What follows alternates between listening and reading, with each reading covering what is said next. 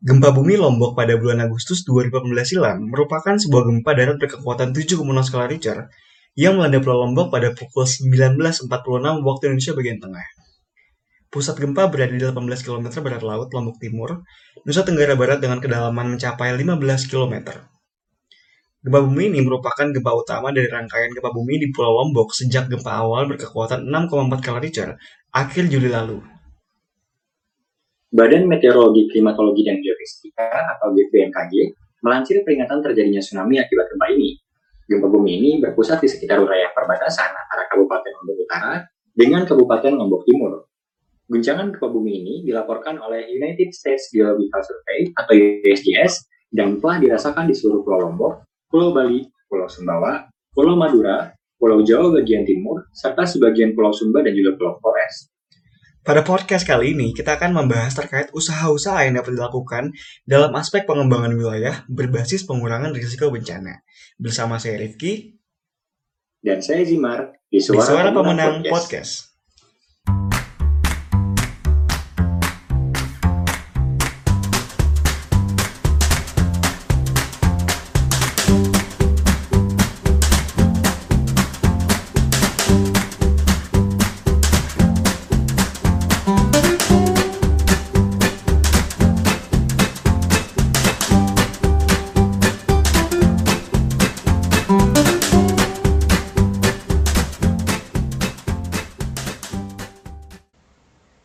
Selamat pemenang. Oke, mantap Mar bareng Mar. Abis itu kita tanya nih Mar, berapa kabar deh gitu kan?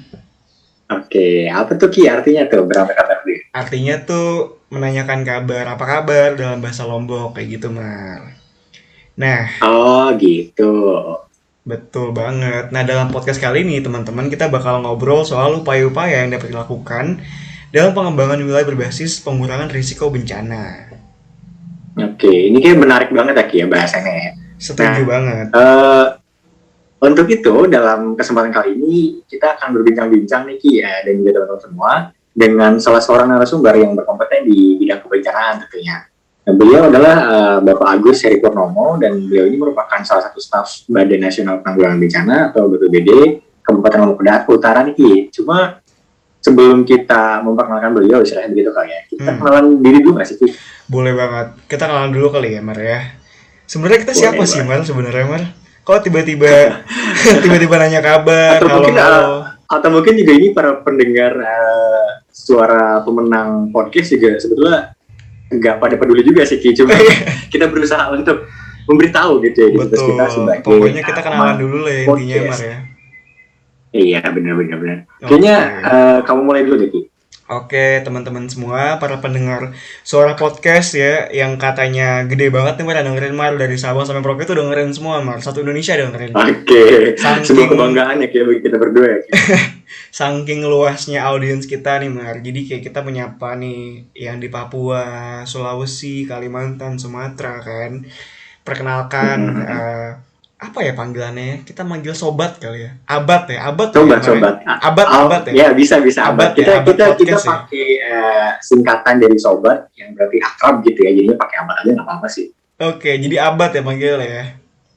Oke eh, iya, jadi oke abad-abad di mana pun kalian berada uh, perkenalkan nih nama saya Rifki namaku Rifki. Rifki ini adalah seseorang seseorang. Rifki adalah seorang mahasiswa pembangunan wilayah Fakultas Geografi UGM angkatan 2018. Nah, kalau satunya lagi? Oke, kalau aku nggak, sorry, kenalin ya teman-teman atau abad-abad semuanya yang ada di seluruh Indonesia atau yang ada di luar Indonesia yang barangkali mungkin mendengar. Oh iya benar benar. Boleh boleh. Kenalin nama agak optimis ya. Setuju. Uh, namaku Zimar Rihan Fadilah. Biasa sih dipanggilnya Zimar ya, pakai DZ Terus aku merupakan uh, salah seorang mahasiswa Fakultas Peternakan di Universitas Gajah Mada. Gitu. Sebetulnya ini agak sedikit kurang relevan kali ya kalau misalkan di sini aku uh, sebagai mahasiswa peternakan gitu, hmm. tapi bahasnya tentang mitigasi bencana nih Ki. Ya. Ini Cuma justru ini bisa, bisa kita amalkan. Justru, uh, untuk ah, iya, abad-abad iya. semua di mana pun kalian berada ya, FYI ya, for your yeah. information bukan belibet barusan tuh kan ini Zimar ini adalah seorang yang sangat multi multi multi pokoknya. Multinya tiga kali teman multinya tiga kali abad-abad semua. Multidisiplin. Multi apa dulu nih? Eh Oke. multidimensional. Multiple player. Semuanya lah pokoknya. Semua multi asal jangan merek tisu Zimar. aja ya Ki ya. Kenapa? Asal jangan merek tisu soalnya ada kayak tisu. Itu Oh, iya. Jangan jangan jangan jangan. Oke Oke, baiklah tapi mungkin ini bisa sih Ki, bisa bisa dipakai sih untuk nanti ah, digabungkan dengan ilmu peternakan dan ilmu lainnya tentunya Nah betul banget karena ilmu kan tidak terbatas ya Jim ya pasti ya semua orang kan benar benar bisa lah digabung-gabungin ya kan. Nah iya iya betul mungkin abad-abad nih daripada yang mikir yang kayak lagi dengerin, eh apaan sih nih dua host gitu kan berisik gitu Hmm. kan. Enggak kita memang seperti ini teman-teman. Abad-abad itu memang berisik tapi tidak ada isinya sebenarnya. Nah mumpung kita nggak ada isinya kita tuh butuh narasumber yang ada isinya. Jadi untuk melengkapi keberlanjutan dari podcast kita. betul betul Betul betul, banget banget. soalnya kalau nggak ada pemateri bakal tambah nggak jelas gitu ke akhirnya makanya daripada kita salah sasaran gitu kan dan abad-abad mulai Iya. cemas di rumah gitu kan teman-temannya Hmm. abad mulai cemas saudara abad mulai cemas kita langsung saja nih Mar. kita undang bapak Agus untuk uh, bergabung bersama kita Iya betul banget. Yang tentunya beliau akan memberikan materi seputar eh, ini ya Ki ya kebencanaan di daerah Lombok Utara gitu. betul sekali Kalau dalam bahasa Lombok itu apa kabar itu belum berkabar dia Pak ya? Apa? Eh iya, berbeda kabar. oh, Oh, berbagai berbagai kabar kabar. Mar berbagai kabar Oke. Cuman kalau orang di Lombok Utara ini dia sedikit berbeda bahasanya dibandingkan yang daerah bagian selatan itu. Jadi kalau bilang apa kabar aja, berembe itu mereka lebih cocok dengan apa gitu, lebih mirip ke bahasa Indonesia-nya. oh gitu Oh iya oke. Nah Berarti- biasanya untuk balasannya sendiri gimana Pak itu kalau misalkan ada pertanyaan Sehat berkabar? gitu aja. Ah sehat. Oh iya. sehat balasannya. Jadi uh, untuk abad-abad di rumah di mana pun pendengar suara pemenang ini ya teman-teman. Jadi berembe ya, berembe kabar deh seperti itu ya. Berembe kabar itu tanya kabar ya, abad-abad semua. Ya. Ntar artinya itu Atau mungkin lebih cocoknya kumbe kabar EP. EP itu eh, kamu atau anda lah. oh gitu. Ntar ba- Berembe balasnya berarti tetap sehat seperti itu pak. Sehat atau gimana Iya, kabarnya baik sehat. gitu kan. Ya. Oh, Oke. Kumbe itu gimana? Cuman dia lebih spesifik bahasanya lebih ke lebih sehari-hari gitu. Utara ya. Tidak Ah, Oh sama dengan iya iya iya iya. bahasa-bahasa Bumbe. yang Bumbe, bumbe, Bahasa bumbe. Oke. Bumbe, ya. Bumbe, Bumbe. oke. Tadi Ya. itu sekilas pengantar nih eh, abad-abad dari Pak Agus ternyata yang kita sebutkan di awal ya Mar ya Brembe itu Ya. jadi Bumbe lebih lebih lebih apa lebih sehari-hari Bumbe kabar deh itu nanya kabar untuk ke sesama teman mungkin Pak ya atau sesama sesama orang benar, sehari-hari benar. ya Pak. Oke Ya. baik. Nah terus eh, teman-teman karena udah hadir nih Pak Bapak Agus di tengah-tengah kita dalam eh, uh, ruangan Podcast. online ini ya virtual, virtual meeting ini uh, kita mau ngobrol-ngobrol sedikit nih dan mau tanya-tanya sedikit soal uh, aspek kebencanaan terlebih ngobrol soal aspek pengembangan wilayah berbasis pengurangan risiko bencana Mar. Betul betul. Nah, nah jadi Pak dari yang kami baca nih Pak dari data yang kami dapatkan selama beberapa tahun belakangan ini sudah terjadi beberapa bencana nih Pak, bencana alam ya. Eh, di antara itu yang terbanyak berupa tanah longsor dan juga gempa bumi masing-masing sebanyak tiga kali kalau dari data IDM yang saya baca. Em, dan juga banjir, gunung meletus, kebakaran hutan dan sebagainya. Eh, Ya. kira-kira bisa diceritain nggak sih Pak eh, kondisi geografis atau geologi mungkin lebih, lebih tepatnya ya atau kondisi kebencanaan Ya. dari desa Manggala itu seperti apa sih? Oh ya, Mm-mm. Eh, buat teman-teman mungkin ya, teman-teman KNUGM yang ikut online secara ikut KKN secara online. Jadi eh, perlu saya gambarkan bahwasanya daerah Desa Menggala itu lebih didominasi oleh eh, perbukitan. Jadi areal areal datar itu hanya sekian persen. Kemarin saya sudah eh, buat uraiannya. Jadi kalau kita klasifikasikan areal Desa Menggala itu eh, daerah dengan slope 0 sampai 8 persen itu hanya sekitar 3,58 persen dari luas wilayah. Jadi sangat-sangat ini ya, sangat-sangat apa namanya morfologinya ekstrim kalau dilihat secara keseluruhan. Di pada dasarnya masyarakat itu hanya menempati areal uh, yang masuk kategori datar sampai landai gitu. Meskipun beberapa wilayah perbukitan juga masih ada uh, ditempati oleh sebagian masyarakat. Jadi bentuk morfologi desa Menggala itu seperti mangkuk, Mas Rifki. Oh iya. Jadi dikelilingi oleh perbukitan, uh, sebelah timurnya bukit, baratnya bukit, sebelah selatannya juga bukit. Jadi satu-satunya areal yang terbuka itu adalah yang mengarah ke arah utara. Jadi itu adalah akses uh, utama yang menuju ke daerah lain di Lombok Utara. Oh begitu ternyata Pak. Memang memang uh, apa namanya landscape seperti itu ya Pak. Jadi memang untuk perumahan, bangunan sebagainya itu di jalan yang utamanya itu ya Pak. Uh, di iya. pertengahan ya. Ya, saya juga lihat ya, di, di peta. Hmm, saya lihat di peta juga kanan kiri memang ada bukit-bukit ya, Bukit Mangkuhete apa Pak nama kalau lupa. Uh, ada banyak perbukitan di Ah, ada namanya okay. Batu Ruku, ada namanya Bukit uh, Sebiris. Hmm. Sebiris itu ketinggiannya sekitar kalau tidak salah saya selalu sebut dia main one one gitu karena ketinggiannya hmm. sembilan sebelas. Hmm. Itu salah satu bukit uh, yang paling tinggi di Desa Menggala Nah, sementara areal datarnya itu ketinggiannya tidak lebih dari 100 meter. Ya. Oke. Okay, Jadi okay. kalau kita lihat bentuk pendatarannya mirip menyerupai seperti ketatel ya. Jadi dari arah utara itu uh, induknya, kemudian ke arah kiri itu yang menuju ke kerujuk, yang ke kanan itu menuju ke bentek. Hmm, kiri kerujuk. Nah, jadi desa Menggala itu uh, dulunya hanya terdiri dari tiga dusun induk ya, uh, dusun Menggala, dusun Kerujuk dan dusun Benteng. Jadi adalah tiga uh, dusun induk yang dimekarkan menjadi beberapa dusun di desa Menggala sekarang. Oh seperti itu ternyata awal mulanya. Oke oke oke oke.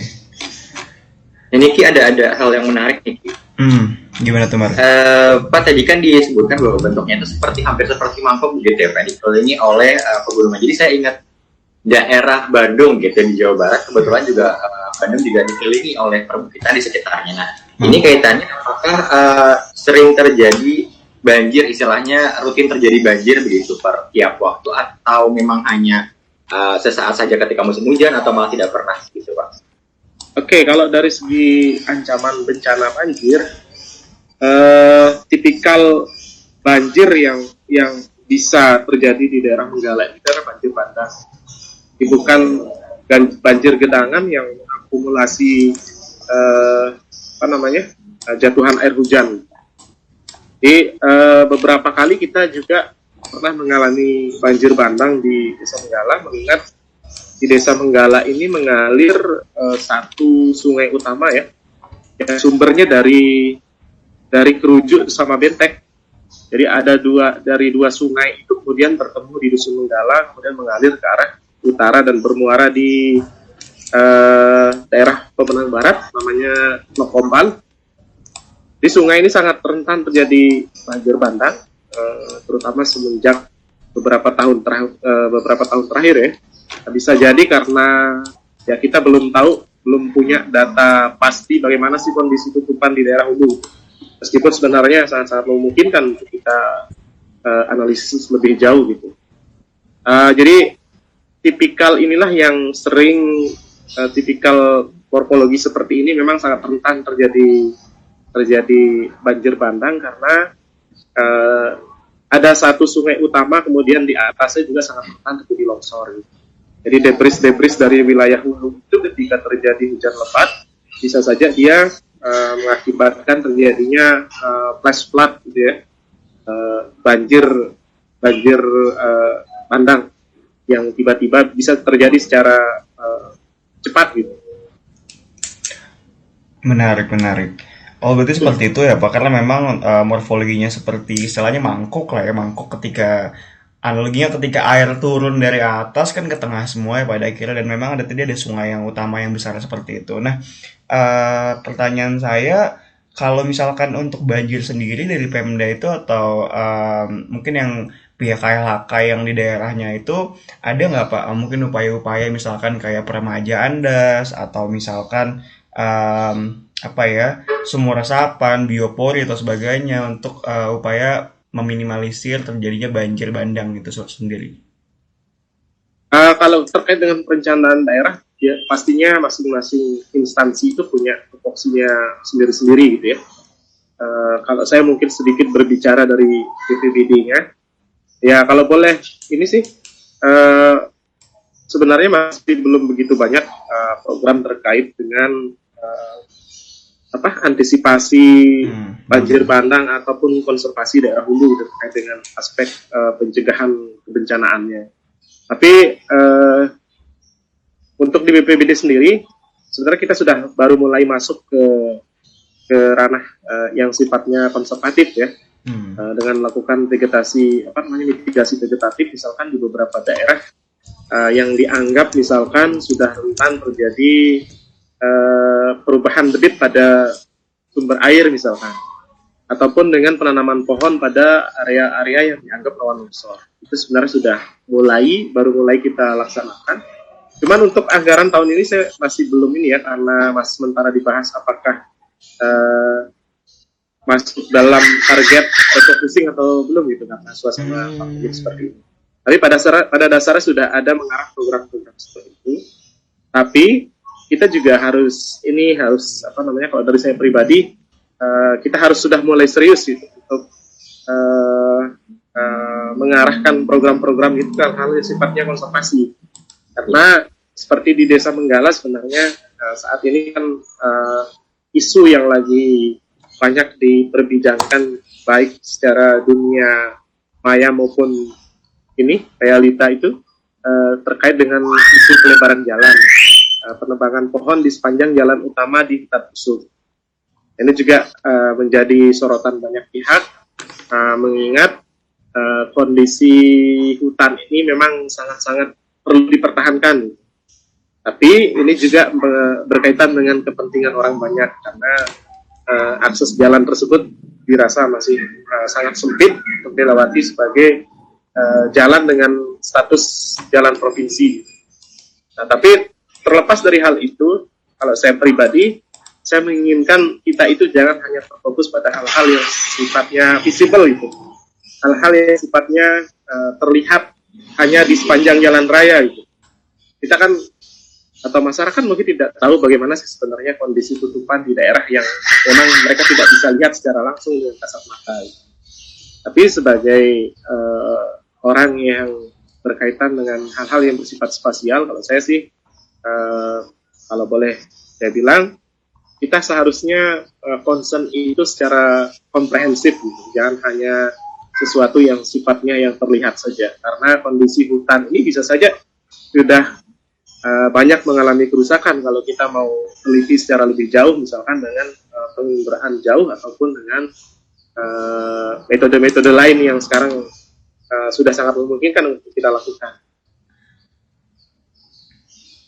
Baik. Nah, Pak ini mungkin uh, terkait hal yang tadi juga mengenai uh, apa namanya antisipasi begitu kan kalau tadi mengenai banjir. Nah, ini kalau secara umum apakah dari pemerintah daerah atau Pemda setempat sendiri ini sudah ada usaha uh, dalam mitigasi bencana apa atau mungkin kalau sudah ada uh, bisa di sharing kepada kami begitu apa saja upaya-upaya dalam mitigasi bencana tersebut? Baik, kalau untuk mitigasi bencana uh, di Desa Manggala mungkin terbilang uh, masih baru ya karena ya seperti kita ketahui Desa Menggala juga baru baru ya begitu. Pemekaran ya Pak ya? Ya pemekaran. Tapi kita dari BPBD kemarin sudah memfasilitasi Desa Menggala untuk membentukkan tim siaga, tim siaga bencana desa. Itu sudah terbentuk kepengurusannya Cuman untuk ke depannya mungkin masih perlu lebih banyak pendampingan. Ya harapannya kita seandainya kondisi ini normal, mungkin teman-teman UGM juga bisa dimanfaatkan gitu untuk mendampingi tim siaga yang baru saja akan tertutup. Karena terkait dengan uh, ketangguhan sebuah wilayah itu tidak tidak cukup hanya dengan membentuk tim siaga, tapi juga perlu hal-hal lain seperti peningkatan kapasitas, kemungkinan bagaimana uh, memberikan rekomendasi rekomendasi penjanaan kepada desa kan uh, ke desa untuk bagaimana mereka lebih concern lebih lebih memprioritaskan hal-hal yang berkaitan dengan karena bagaimanapun uh, kita di Lombok Utara secara umum mungkin ya uh, pengalaman gempa 2018 itu sangat-sangat membekas di kita. Jadi sangat uh, wajar kalau misalkan program kebencanaan itu harus menjadi salah satu prioritas dalam perencanaan, baik itu perencanaan kabupaten maupun di uh, perencanaan desa. Setuju Pak, setuju. Benar sekali ya. Kadang-kadang uh, mungkin yang uh, apalagi di Indonesia ya, apalagi di wilayah-wilayah memang sangat rentan terhadap bencana alam setuju banget pak sama statement tadi memang untuk uh, planning planning disaster risk management itu sangat penting sekali untuk diterapkan atau diimplementasikan untuk desa-desa yang memang sangat rentan dan kadang suka agak-agak luput nih pak dari uh, RPJMN, RPJM dan sebagainya kan karena fokusnya pada aspek-aspek yang ekonomi, sosial, politik, politik dan sebagainya. Tadi setuju banget uh, kalau misalkan saya boleh bertanya Pak untuk tim uh, siaga bencana ini berarti langsung dibawahi oleh BPBD atau bagaimana ya Pak?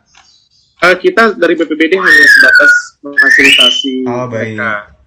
Jadi uh, yang meng kan adalah uh, kepala desa. Hmm, okay, okay, Jadi okay. mereka sebenarnya statusnya adalah relawan desa. Oh, baik. Tapi dalam sebuah kelompok yang dinaungi oleh desa itu sendiri gitu. Uh, bisa, pada saat pembentukan kemarin kita juga sedikit memberikan mereka fasilitasi fasilitasi mereka tentang uh, bagaimana bagaimana membuat kajian risiko bencana. Uh, misalkan yang pertama itu kita harus mulai membahas tentang ancaman apa saja yang ada di desa Menggala. Kemudian bagaimana menentukan ancaman prioritas misalkan dengan melihat sebaran dari potensi terpaparan dari masing-masing ancaman, kemudian dengan melihat potensi dampak. Hal yang uh, arsirannya lebih banyak itu yang akan menjadi ancaman bencana prioritas yang uh, siogyanya menjadi prioritas perencanaan desa ke depan. Kalau di Desa Menggala, uh, kalau tidak salah kalau tidak salah ingat kemarin yang menjadi ancaman prioritas itu uh, antara lain gempa bumi dan longsor. Karena itu yang dianggap paling membahaya, membahayakan sekaligus juga paling berpotensi untuk mengakibatkan kerusakan maupun kerugian yang lebih besar. Iya betul. Berarti kalau seperti itu pak, memang kalau misalkan tadi status relawan berarti uh, kriteria untuk ikut di tim siap uh, siaga bencana ini berarti memang sumber daya manusia itu dari masyarakat sekitar ya pak? Ya, uh, terutama anak-anak muda ya, ya yang yang punya passion di hmm. relawanan gitu ya. Uh, kita juga tidak bisa memaksakan mereka untuk terlibat langsung di uh, tim siaga karena ini sebenarnya adalah tugas relawan gitu. Hmm, baik. Ya, beda dengan mungkin kelembagaan-kelembagaan lain yang sudah ada pos anggarannya sendiri.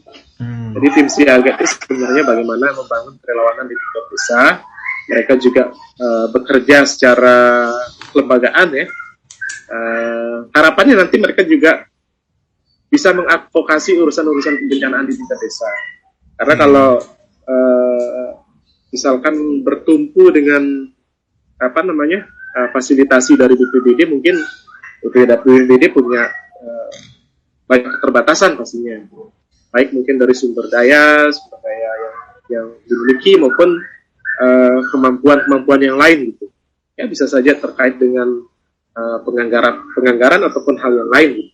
Tapi kalau dari saya pribadi, uh, silahkan saja kalau misalkan dari desa ingin uh, membuat kegiatan-kegiatan yang sifatnya pendampingan, pasti kita akan respon gitu. Jadi tidak melulu harus menunggu penganggaran gitu karena uh, ini kan tugas kemanusiaan sebenarnya. Jadi tidak perlu kita hanya sedikit-sedikit membahas tentang anggaran itu e, sepertinya agak kurang itu sih mas ya. Jadi ya, lebih baiknya hal seperti ini kita sifatnya lebih kekeluargaan. Gitu. sama seperti halnya dengan teman-teman kemarin yang kami bentuk e, relawan yang namanya Barasiaga itu juga pada prinsipnya adalah eh, teman-teman yang memang punya semangat e, kerelawanan itu. E, di situ juga mereka tidak punya anggaran khusus hanya bermodalkan semangat ya oh. sampai kemarin yang yang membuat ini kan yang membuat heran banyak orang ini baru dua bulan dibentuk tapi sampai-sampai Bapak Sarjaga Uno gitu sampai memberikan uh, ajakan dengan Oh, menyebutkan mari bergabung di live Facebook bersiaga itu. Luar Itu kan hal-hal yang sifatnya apa ya? Uh, jadi benar tidak melulu membutuhkan anggaran untuk bisa Iya, iya. berbuat sesuatu yang lebih gitu. Itu hal-hal seperti itu mungkin yang perlu kita uh, sebarkan di masyarakat kita. Hmm. Jangan sampai uh, apa namanya kendala finansial selalu menjadi kendala gitu untuk aktif Setuju, kegiatan bencana. Wah menarik banget ya Abad-abad di rumah nih yang dengerin nih Jangan sampai di skip ya Podcastnya ini sangat berilmu sekali Podcastnya Abad-abad di rumah Nah Iya, iya. Dan eh, omong-omong, mudah-mudahan termotivasi ya, ya. Betul sekali. Iya. Nah, ngomong Pak, tadi eh, soal ini saya setuju banget sama statement Bapak tadi soal eh, nggak melulu soal aspek finansial, apalagi kita tahu ya kalau misalkan namanya dana dari pemerintah itu kan agak ber apa ya berlapis-lapis lah untuk turunnya agak susah agak Ya, lama gitu kan. Iya. Jadi Kita harus lebih fleksibel lah, lebih Iya, lebih betul, lentur. betul. Ya. Nah betul. Nah terus justru uh, dengan adanya tim siaga ini ataupun bara siaga ini justru akan mempermudah ya Pak, mempermudah kerjanya dari BPBD itu sendiri karena memang pemuda-pemuda ini yang tinggal di lokasi yang merasakan lokasi seperti apa masyarakat lokal nih istilahnya sedangkan BP BPBD kan walaupun memang mereka in charge untuk uh, aspek kebencanaan mereka kan juga men- menghandle apa namanya daerah-daerah lain juga. Jadi untuk mendapatkan pandangan yang komprehensif memang perlu tim uh, siaga bencana ini seperti itu kalau menurut saya pribadi. Iya. Jadi sangat Iya. baik sekali. Nah, uh, Iya. kalau boleh saya tanya Pak, tadi untuk bara siaga ini sendiri uh, inisiasi dari uh, pemuda-pemuda sana kah atau kepala desa kah atau memang dari uh, Bapak Agus atau teman-teman rekan-rekan BPBD itu sendiri? Eh, jadi sebenarnya kalau para siaga itu dia agak sedikit beda dengan tim siaga bencana desa ya atau TSPD. Jadi dia eh, sebenarnya itu adalah salah satu bentuk apa ya kolaborasi saya dengan teman-teman mungkin yang punya eh, interest ataupun punya minat yang sama di kerelawanan dan bencanaan terutama ya. Eh, Hmm. kalau TSBD ini kan dia langsung dibawahi oleh uh, Pemdesnya mungkin ya secara struktur kelembagaan. Tapi kalau bara siaga ini di luar, di luar sistem pemerintahan, tapi ya tidak menutup kemungkinan juga ini akan uh, bisa berkolaborasi dengan uh, pemerintah daerah gitu. Jadi salah satu tujuannya adalah ya untuk membangkitkan semangat-semangat relawanan uh, di bidang kebencanaan. Jadi itu sedikit berbeda dengan tim siaga bencana yang dibentuk di desa. Eh, jadi sebenarnya tidak masalah juga kalau misalkan ada bara siaga, ada tim siaga bencana di desa gitu. Eh, jadi jangan hal-hal seperti itu dianggap sebagai sebuah kompetisi gitu. Harusnya itu dianggap sebagai peluang untuk berkolaborasi saja. Iya, Jadi baik itu lembaga pemerintah, kemudian TSPD ataupun para siaga secara tujuan ya sama sebenarnya bisa maksimal di urusan kebencanaan ya. Jadi kenapa tidak kalau misalkan nanti dari desa Menggala misalkan dari pihak desa Menggala misalkan melibatkan eh, para siaga untuk terjun langsung di kejadian-kejadian bencana tidak masalah. Eh, teman-teman dari bara siaga juga pastinya akan turun kalau misalkan ada sesuatu yang sifatnya urgent selama memungkinkan. Nah, jadi gitu. Betul betul. Jadi memang jatuhnya kolaborasi ya Pak ya, kolaborasi dan memperkaya SDM lah ya, yang sekiranya Ya. memang terjadi apa-apa yang sifatnya major force atau urgent itu bisa siap nih kita punya dua tim yang hebat yang buat istilahnya jadi tameng depannya lah ini berkolaborasi bersama untuk uh, meminimalisir uh, dampak dari bencana alam seperti itu. Nah, uh, Iya, saya agak penasaran nih Pak untuk yang tadi kan Desa Manggala ya, kalau untuk Desa Pemenang Timur itu seperti apa ya Pak? Kira-kira Bapak tahu nggak ya Pak? Untuk Kalau desa pemenang timur, kebetulan desa pemenang timur itu pernah juga saya dampingi di situ untuk eh, membuat kajian risiko itu, pendampingan. Eh, jadi pada dasarnya kalau yang saya lihat di tim siaga ini ketika ada kejadian-kejadian misalkan hujan lebat, pada dasarnya mereka turun untuk eh, persiapan evakuasi masyarakat dan sebagainya. Eh, cuman mungkin untuk kegiatan-kegiatan yang sifatnya peningkatan kapasitas mungkin mereka perlu lebih banyak didampingi gitu. Hmm. Tapi kebetulan beberapa orang yang terlibat di sana juga eh, masuk di Barasiaga kemarin. Jadi se- yang apa namanya eh, menjadi ketua dari Barasiaga kan orangnya TSBD pemenang timur juga. Jadi tidak masalah sih sebenarnya kalau secara ini ya, secara tujuan karena pada dasarnya sama saja.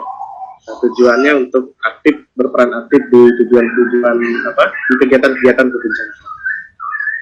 Uh, memang salah satu kendala kita di TSBD ini adalah ya seperti yang saya sampaikan tadi, uh, mungkin mereka perlu lebih banyak dorongan untuk bisa lebih mandiri lagi. Saya bukan mengatakan mereka itu pasif gitu ya, uh, tapi memang uh, beberapa memahami bahwa setelah kami bentuk atau setelah desa membentuk, mereka menginginkan kita dari BPBD atau pemerintah daerah lebih lebih aktif lagi mendampingi mereka. Gitu. Jadi mungkin harus lebih didorong lagi untuk bagaimana bisa uh, lebih maksimal untuk peningkatan kapasitas. Karena yang menjadi poin untuk uh, pengurangan risiko bencana itu kan sebenarnya bagaimana mempersiapkan diri pada saat bencana kan. Iya, iya. Uh, untuk pencegahan dan kesiapsiagaan itu adalah harusnya kita maknai sebagai investasi sebenarnya, investasi secara tidak langsung. Jadi ketika uh, pencegahan ataupun kesiapsiagaan kita bagus, kalaupun ada anggaran yang keluar pada saat itu, maka itu sebenarnya adalah investasi secara tidak langsung. Jadi katanya uh, kalau kita menginvestasikan satu rupiah untuk pencegahan di pra bencana itu sama juga dengan menyelamatkan sekian rupiah ketika bencana itu terjadi kata. Hal-hal seperti ini mungkin perlu kita perlu apa ya uh, lebih banyak sebarkan untuk bagaimana kita sadar bahwasanya urusan kebencanaan itu tidak semata-mata urusan pada saat darurat gitu. Betul, betul kita harus lebih maksimal pada saat pra, pra bencananya. Hmm. Ini yang mungkin kadang suka miss ya pak ya di orang-orang uh, kenapa ada pendidikan misalkan uh, mitigasi bencana, yang pencegahan sebagainya. Ntar mungkin ada statement muncul, statement yang muncul seperti buat apa kan nggak ada bencananya loh. Ini justru ya, betul, pencegahannya, edukasi dan sebagainya. Ya. Nah ngomong-ngomong soal itu Pak, tadi kan Bapak bilang soal peningkatan kapasitas dan juga tadi uh, sempat ada berkata bahwa masyarakat ikut turun. Nah pertanyaan saya, uh, apakah masyarakat yang turun ini uh, sudah dibekali oleh edukasi kebencanaan atau kita tembak uh, tembak umum deh misalkan masyarakat uh, di Desa Menggala ataupun Pemenang Timur apakah sudah diberikan edukasi kebencanaan atau tidak ya Pak? Kalau pada saat pembentukan tim siaga biasanya uh, teman-teman itu dibekali dengan dasar-dasar manajemen kebencanaan. Jadi biar mereka juga paham bahwasanya kebencanaan itu sesuatu hal yang apa ya, yang sifatnya luas, tidak hanya diartikan sebagai uh, penanganan penanganan darurat. Jadi mereka juga kita berikan sedikit materi terkait dengan dasar-dasar kebencanaan uh, supaya ada juga paling tidak dari segi pengetahuan mereka juga uh. Uh, kalau di tingkat masyarakat, masyarakat umum mungkin uh, masih belum begitu banyak ya. Tapi uh, kalau kami dari BPBD sebenarnya sudah turun ke sekolah-sekolah ya untuk memberikan edukasi ke adik-adik kita uh, dalam program SPAB namanya SMAB Sekolah Menengah Aman Bencana. Hmm. Jadi kita biasanya menyasar adik-adik di uh, sekolah dasar maupun di sekolah menengah. Kalau kemarin kalau di Desa Menggala kita arahkan di salah satu pondok pesantren yang ada di uh, dusun pengempus ya, dusun pengempus. Uh, kita sudah berikan mereka materi tentang kebencanaan, kemudian bagaimana melakukan uh, simulasi secara mandiri, uh, simulasi evakuasi secara mandiri. Karena harapan kita, adik-adik ini uh, pada saat ada kejadian bencana di jam sekolah, mereka juga bisa uh, melakukan evakuasi secara mandiri, kemudian guru-gurunya juga terlibat aktif sebagai pemegang uh, komando pada saat uh, darurat. Uh, dan di sekolah-sekolah lain juga kita sudah turun ya untuk pendidikan ataupun edukasi kebencanaan. Kalau di Desa Menggala juga pernah, uh, ingat saya waktu saya masih sekolah di luar kalau tidak salah itu, teman-teman di kantor juga sudah melakukan satu kali simulasi ya untuk uh, evakuasi longsor. Kebetulan di Menggala juga ada dibangun uh, landslide early warning. Wow Eh, teman-teman belum ini ya, belum dengar ya. ya. Belum belum Ini belum. kan salah Saya baru tahu. ya. Kalau ada landslide early warning saya baru tahu banget di Manggala. Ini kan salah satu Sejak karyanya Pak? UGM ya. UGM kalau tidak salah. Ini. Yang Landslide early warning di Manggala. ya, ya, kalau kalau tidak salah dulu Ibu Korita ya Mas ya. Oh, Ibu Korita Korita. ya. Dia kan pakar ini Oh. sebelumnya kan, pakar Iya, longsor iya, juga iya. kan, Hmm, ya, ya, ya. kepala BMKG. Oh iya. Ada iya, teman iya. saya yang bilang kalau tidak salah itu adalah salah satu eh, temuannya beliau lah.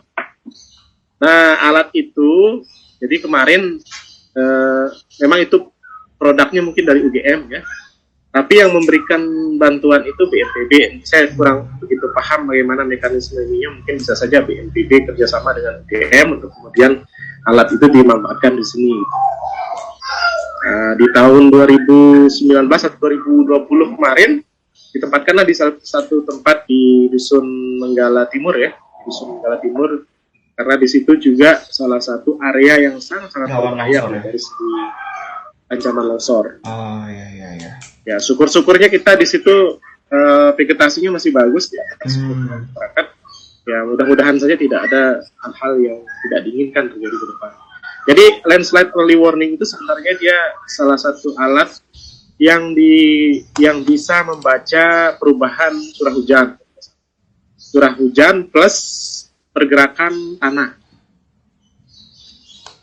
Jadi dia ada semacam seling yang dibentangkan seperti jemuran itu mas, kemudian ada device dan penangkap curah hujannya. Jadi setiap ada curah hujan eh, yang tiba-tiba ekstrim atau melebihi thresholdnya ya, dia akan langsung membunyikan sirene di situ. Jadi menghimbau masyarakat untuk bersiap siaga. Ada sirenenya, ada pemberitahuannya. Kemudian begitu juga ketika terjadi gerakan tanah. Cuman yang saya agak ini sih mungkin alat itu dia agak kurang maksimal ketika tipe longsornya berupa rockfall. Kalau di bris mungkin masih oke lah, yang debris slide ataupun debris ini ya, yang pergerakan massa tanah mungkin masih masih cukup eh, apa ya, cukup bagus lah. Cuman yang saya khawatirkan adalah ketika eh, ancaman di atas masyarakat itu berupa rockfall, jatuhan batu.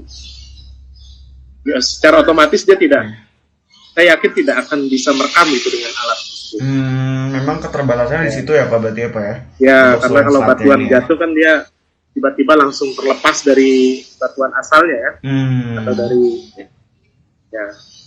Cuman ya tidak tidak masalah. Ini kan bagian dari ikhtiar juga. Bagaimana Iya. membangun kesiapsiagaan di masyarakat. Tapi Oke. memang di Mas. dekat situ memang banyak permukiman atau seperti apa Pak?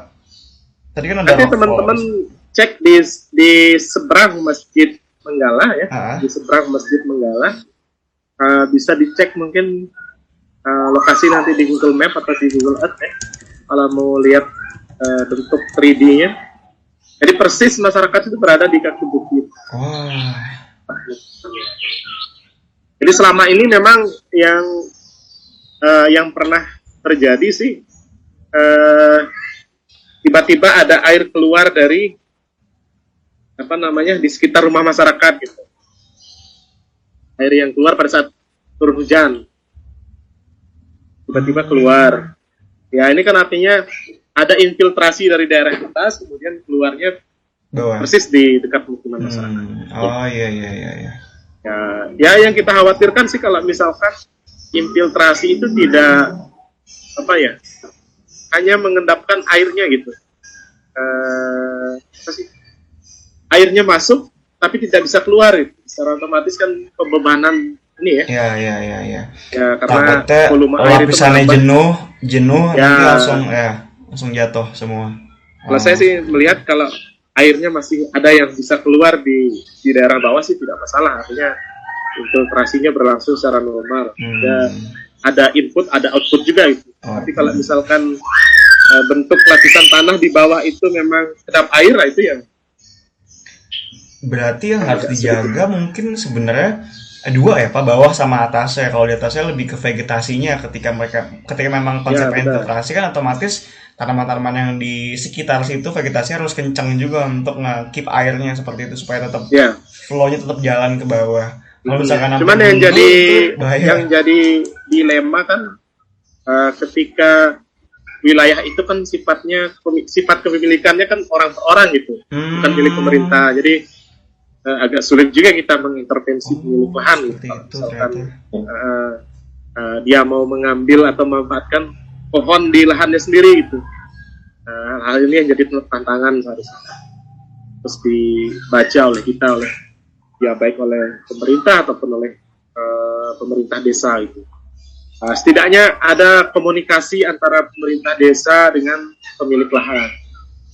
Eh, mungkin bisa kita yakinkan ke pemilik lahan bahwasanya ketika mereka menebang pepohonan, di areal mereka itu sama juga dengan ya menambah kerentanan wilayah di di desa Tenggala itu sendiri.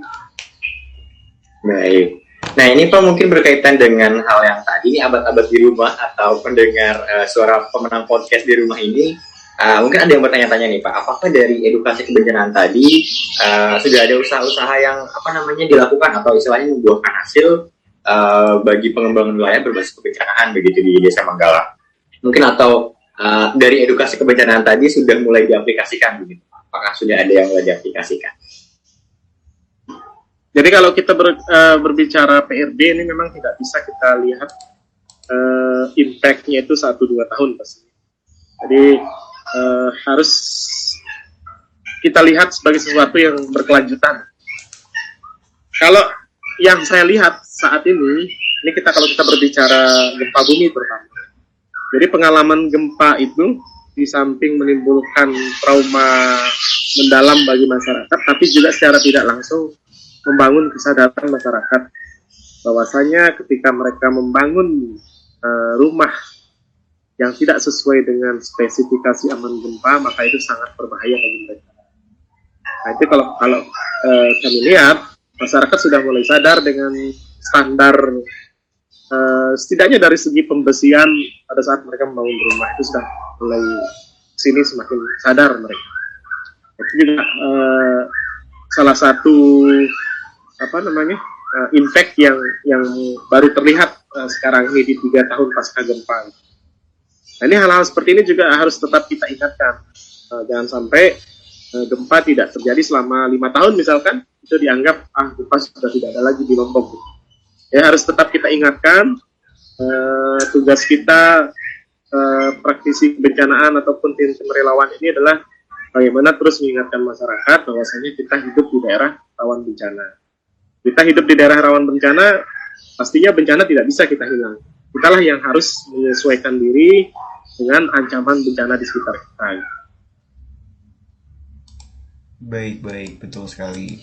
Eh, kemudian, nah tadi kan sempat Bapak udah bilang tadi eh, usaha-usaha apa yang istilahnya eh, menuju untuk membuahkan hasil karena kan nggak bisa instan ya Pak. Kebencanaan pasti perlu bertahun-tahun untuk diterapkan sampai istilahnya nempel nih di pikirannya masyarakat dan mulai ada apa ya awareness untuk oke kita harus menjaga ini dan kita harus uh, aware sama bencana alam seperti itu. Nah, menurut pandangan Bapak nih uh, sebenarnya tuh yang paling dibutuhkan masyarakat uh, dalam aspek pengurangan risiko bencana tuh apa sih Pak sebenarnya Pak?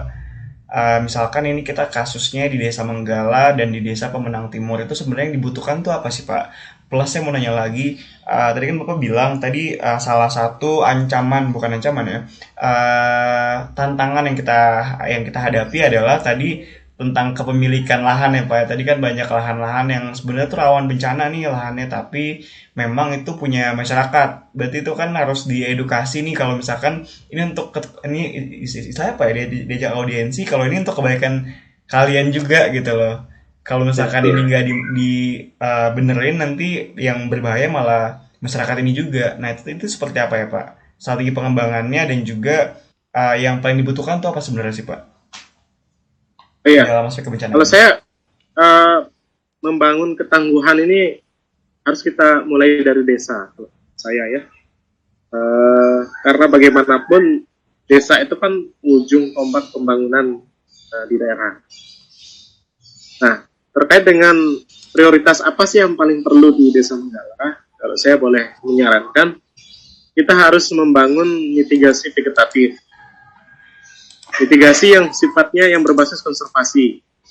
Karena hal tersebut sangat sesuai dengan kebutuhan kita. Uh, kalau dulu, misalnya saya berbicara beberapa tahun silam mungkin ya, ketika turun hujan, ketika masuk musim penghujan, air hujan di sungai itu dia uh, ada gradasinya. Ya, ada gradasinya. Kalau sekarang masuk puncak eh, masuk musim hujan, air sungai belum membesar. Tapi nanti ketika masuk puncak musim hujan, dia seketika menjadi uh, aliran banjir bandang. Ini karena anomali cuaca mungkin ya, anomali cuaca. Nah, yang saya maksud di sini adalah, ayo dong kita sama-sama mulai kembali dengan uh, menghidupkan apa namanya, menjaga kelestarian hutan maksud saya. Karena kalau kita sudah sama-sama peduli dengan fungsi uh, vegetasi bagi ancaman longsor, saya kira uh, ancaman longsor ini masih bisa kita ini gitu, minimalisir risikonya. Karena uh, mitigasi vegetatif ini kalau kita bandingkan dengan metode-metode lain, misalkan dengan bangunan teknik, sepertinya lebih lebih murah dan juga lebih ramah lingkungan, lebih ramah lingkungan. Nah, misalkan uh, dengan program-program penanaman pohon yang kita anggap sebagai daerah rawan longsor misalnya, itu juga sangat-sangat perlu saat ini. Nah, di samping kita apa namanya uh, memperkecil risiko ataupun ancaman bencana longsor, kita juga bisa berkontribusi terhadap uh, uh, apa namanya kelestarian lingkungan.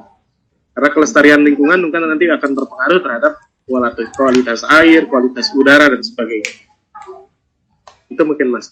Okay. Nah, di samping itu juga, nah, di samping vegetasi apa namanya mitigasi vegetatif tadi, kita juga sama-sama untuk lebih memperhatikan uh, kapasitas kita, ya kapasitas pemerintah, kapasitas masyarakat ataupun kapasitas uh, yang lain gitu ya. Uh, melalui program-program yang kita anggap relevan dengan uh, pengurangan risiko bencana. Oke baik, berarti tadi sarannya tadi pertama mitigasi vegetatif ya, apa karena lebih murah kalau misalkan kita bandingkan dengan uh, bangunan teknik yang misalkan kayak RTG atau sebagainya yang mungkin ya. dana yang agak-agak bukan agak-agak ya besar dananya kan. Besar ya, misalkan dengan bangunan bangunan penahan longsor, tapi betul, penahan betul, longsor. Betul, betul. Kalau mitigasi vegetatif kan istilahnya kan lebih lebih murah lah pak ya, lebih murah dan memang lebih ramah lingkungan seperti itu. Habis itu yang kedua tadi uh, apa ya? Penyesuaian sama anggaran desa, kemudian uh, apa ya poin-poin yang menjadi prioritas di RPJMD mungkin ya di rencana pembangunan jangka menengah desa atau jangka panjangnya desa seperti itu. Uh, Kalau sekarang seperti uh, seharusnya desa itu tidak perlu khawatir ketika menganggarkan uh, urusan kebencanaan menjadi hmm. program mereka. Kalau, kalau karena kalau kita lihat aturan di Permendes uh, itu untuk urusan kebencanaan itu sudah menjadi urusan prioritas itu. Oh. Program oh. prioritas di desa. Jadi tidak perlu takut ketika misalkan ah, nanti menyalahi prosedur ini gitu. Oh, memang ya, ya, ya, pastinya tetap kita ini ya sesuai dengan uh, mekanisme yang ada gitu. Tapi kalau urusan kebencanaan uh, sudah tertulis jelas di situ. Sudah ada regulasi yang mengatur apalagi untuk desa-desa rawan bencana ya pak ya memang apalagi yang lain uh, morfologi seperti itu menjadi prioritas mungkin seperti itu ya Pak ya. Ya. Tadi mungkin satu lagi yang saya dapat dari Bapak tadi lebih ke ini ya Pak, lebih ke integrasi uh, rencana kebencanaan dimasukkan ke dokumen-dokumen perencanaan. Harus jadi satu lah, nggak boleh terpisah-pisah karena memang itu asal usul dari situ. Kalau misalkan dipisah itu bakal nggak sesuai, nggak masuk lah istilahnya gitu kan. Ya. Nah, berarti integrasi ya. itu ya Pak ya tadi. Oke, baik baik menarik sekali ya abad-abad di rumah semuanya pembahasan pada hari ini ya abad-abad ya. Betul Wah, betul mengenai kebencanaan ya, ya. 20 SKS lah ini istilahnya 20 SKS lah Pak Agus ya. Iya betul betul ini ini benar-benar ilmu real di lapang gitu ya kayak kita hmm. memang mungkin tidak bisa dapatkan secara langsung di kelas dari dosen gitu, betul. gitu karena memang dengan Pak Agus sendiri yang memang uh, apa namanya istilahnya ya turun langsung di betul, di, betul, di daerah betul, gitu. Betul, betul. Jadi, Jadi saya kalau sangat, sangat bermanfaat. Hmm Betul, kalau ini kalau aku kuliah nih udah enam semester ini kayak lagi ujian nih, kayak lagi ujian, ujian, ujian morfologi, ujian Ujian apa lagi? Geologi semua muanya hidrologi tadi sempat bahas das juga. Semua muanya yang Iya. pelajarin kayak di uji di sini gitu sama Pak Agus. Iya benar. jadi ilmu kebencanaan sebenarnya kompleks mas. Jadi Iya iya iya iya. iya. hmm, Saya kemarin ngambil uh, mata kuliah manajemen risiko bencana juga. Kemarin ngambil yang partisipatif dan sebagainya, yang ada genre segala macam. Ini kayak bener langsung ketemu. Oh ini loh ternyata ini tokohnya nih. Iya, Ajakin iya. ngobrol, diskusi ternyata seperti ini caranya. Dan mungkin nanti bisa ini ya, ya kalau misalkan kita ada kesempatan untuk eh, apa namanya kelompok langsung berarti bisa nggak langsung. Oh iya ternyata benar yang Pak Agus bilang itu seperti ini. nih. Iya, iya, bener banget, bener banget, bener banget. Oke, keren, keren. Oh, abad-abad ini nggak boleh skip sampai harus nonton sampai habis ini ya, nggak boleh skip ya. Iya. biar Ilmunya nggak Betul setengah-setengah. betul. Kan kadang-kadang ilmu itu suka setengah-setengah kan, nggak sampai habis udah bosen itu jangan sampai, jangan. Iya, soalnya kan banyak juga eh, abad-abad di rumah mungkin yang memang eh, ini ya Pak ya apa namanya menargetkan untuk mungkin eh, pergi liburan ke Lombok. Jadi untuk teman-teman di rumah selain untuk apa namanya memikirkan eh, target liburan ke Lombok juga harus mempertimbangkan bahwa di sana juga merupakan salah satu daerah yang eh, rawan Bencana. akan bencana Iya, begitu. betul. Iya, dan harus aware terhadap bagaimana pencegahannya ya. Ya. Setuju, setuju. Setuju. Nah, kemudian nih Pak nih yang eh, ini nggak terakhir juga sih, tapi kami pengen apa namanya, istilahnya harapan mungkin harapan dari Agus sendiri untuk teman-teman eh, KKN dan UGM kedua pemenang yang ditempatkan di Kecamatan Pemenang nih Pak, ke depannya apa nih harapan dari Pak Agus sendiri? kalau saya mungkin eh, teman-teman harus kembali lagi kepada kebutuhan desa itu sendiri. gitu. Ya, Ya, jadi di awal harus kita berangkat dari situ. Jadi teman-teman harus mulai sebelum apa ya, sebelum menyusun perencanaan teknis mungkin harus membuat kajian khusus terkait dengan kebutuhan desa itu sendiri. Kira-kira apa sih yang paling urgent di desa tersebut? Jangan sampai kita eh, apa merencanakan ini tapi ternyata juga ternyata hal tersebut bukan hal yang urgent buat mereka. Itu sih mungkin yang pertama. Kemudian harapan yang kedua, kalau saya mungkin ini ya terkait program kebencanaan memang harus tetap perlu di didampingi di Kabupaten Lombok Iya. Utara secara keseluruhan. Karena ya balik lagi KLU ini Kabupaten Lombok Utara ini kalau bisa boleh saya bilang dia adalah eh, apa miniaturnya bencana Indonesia, bencana di Indonesia secara keseluruhan. Karena hampir semua ancaman bencana di Indonesia itu ada di sini di Kabupaten Lombok Utara. ya. Mulai dari tsunami, eh, gempa bumi, longsor, eh, erupsi, ada semua di sini.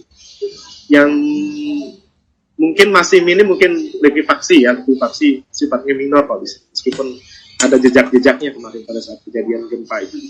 Jadi teman-teman eh, kalau boleh bisa ini ya untuk pendampingan maksimalkan pendampingan di urusan kebencanaan. Seperti misalkan bagaimana merancang eh, apa manajemen evakuasi di desa-desa. Misalkan eh, di mana sih tempat yang paling layak untuk dibangun titik kumpul atau shelter di di desa A atau desa B. Kemudian bagaimana bagaimana memasang atau menentukan titik-titik rampung evakuasi sesuai dengan kondisi di wilayah tersebut. Saya yakin teman-teman eh, UGM sangat-sangat ini ya, sangat kompeten untuk urusan hal-hal seperti itu. Gitu. Itu mungkin eh, Mas Dimar, Mas Rifki. Oke baik. Ah, wah luar biasa sekali ya tadi. Setuju banget tadi manajemen ev- evakuasi dan sebagainya. Oke, Ah, oke mungkin perbincangan kali ini mungkin udah gimana Mar? Udah tradisi Iya. belum kita Mar? Iya iya sudah sudah eh, istilahnya tadinya eh, apa namanya masih ngawang ya Ki, ya Kita sudah teredukasi dari apa yang tadi disampaikan oleh Pak Agus.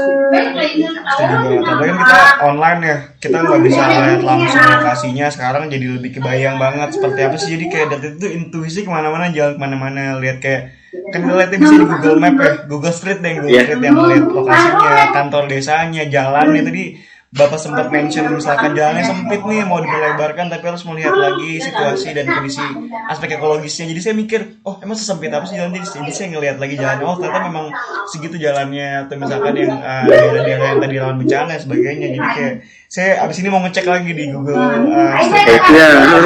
bentukannya seperti apa gitu kan. Nah ini juga kita di mungkin nanti abad-abad di rumah juga yang mendengar jadi akan dengan ini alat landslide early, early warning ini gitu kan yang disebutkan ya. Betul banget. Nah, oke deh kalau seperti itu mungkin abad-abad di rumah mungkin ini uh, untuk episode kali ini sekian podcast dari kami. Harapannya semoga diskusi singkat bersama dengan Pak Agus Purnomo dapat memberikan edukasi bagi para pendengar pemenang suara pemenang podcast. Betul. Dan khususnya ini untuk masyarakat desa Menggala atau Penang Timur begitu ya agar lebih paham terkait sistematika mengenai pengembangan wilayah berbasis pengurangan risiko bencana tadi atau topik atau tema yang kita bawakan tadi. Gitu. Oke, kalau begitu terima kasih Pak Agus atas kesempatannya dan sharing-sharingnya. Ya, terima kasih kembali Mas Rifki. Ya, Mas, Oke. siapa tadi? Mas Zimar. Zimar Pak. Mas Zimar ya. Nah, kalau begitu Iya. uh, saya Rifki. Dan saya Zimar. Kami pamit undur diri. Sampai jumpa di pemenang Sampai podcast jumpa di Menang Podcast selanjutnya. selanjutnya.